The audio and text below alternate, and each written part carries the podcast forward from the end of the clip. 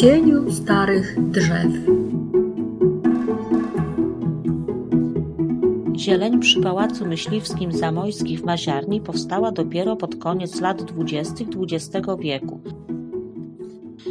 Pismo zarządcy ordynacji z dnia 31 marca 1928 roku donosi o wydaniu zgody na zmianę gruntów przy pałacu zajmowanych dotychczas przez stróża pałacowego w celu ozdobienia terenu przy obiekcie trawnikiem, klombami i grupami drzew. Las otaczający pałac został przekształcony i uporządkowany w park o powierzchni 10 hektarów. Do dziś nie zachował się oryginalny układ parku. Pozostałością po nim jest około 160 drzew z 19 gatunków.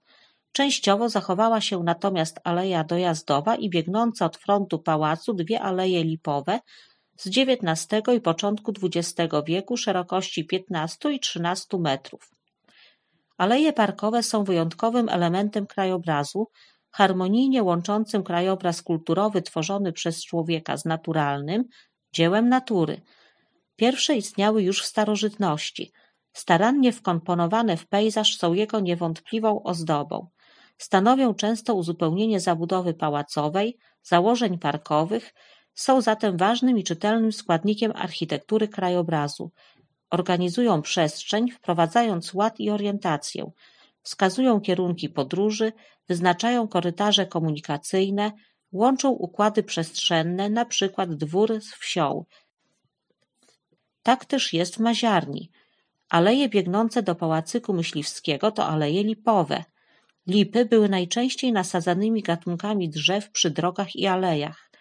Oprócz nich sadzono jesiony, dęby, klony, brzozy, rzadziej wiązy, graby i inne rzadkie gatunki, jałowce czy jarzęby szwedzkie. Ordynat Maurycy Zamojski wybrał lipy, nie bez powodu. To jedne z najbardziej majestatycznych i okazałych drzew we florze polskiej. Dawniej lipa uznawana była za drzewo miłości i rodziny. To właśnie ją proszono także o urodzaj plonów. W Polsce szlacheckiej lipy postrzegano jako drzewa opiekuńcze i żywe pomniki chwały, które kolejne pokolenia otaczają opieką i darzą szacunkiem. Ich nasadzenia były bardzo popularne.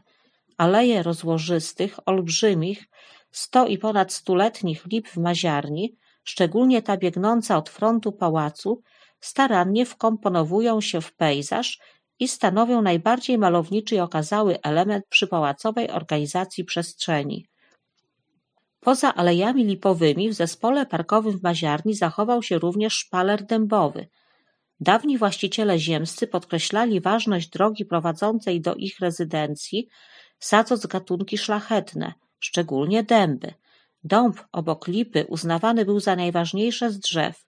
Jego imponujący wygląd, niezwykła długowieczność i piękno dąbrów uczyniły z niego symbol męstwa, sławy i siły – Stąd popularność jego nasadzeń.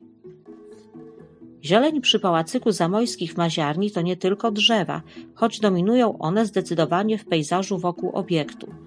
Przed pałacem jest okrągły klomb, pełniący funkcję ozdobną i urozmaicającą krajobraz, natomiast od zachodu z terenem parku, jak na otoczenie Pałacyku Myśliwskiego przystało, graniczy dębowy las.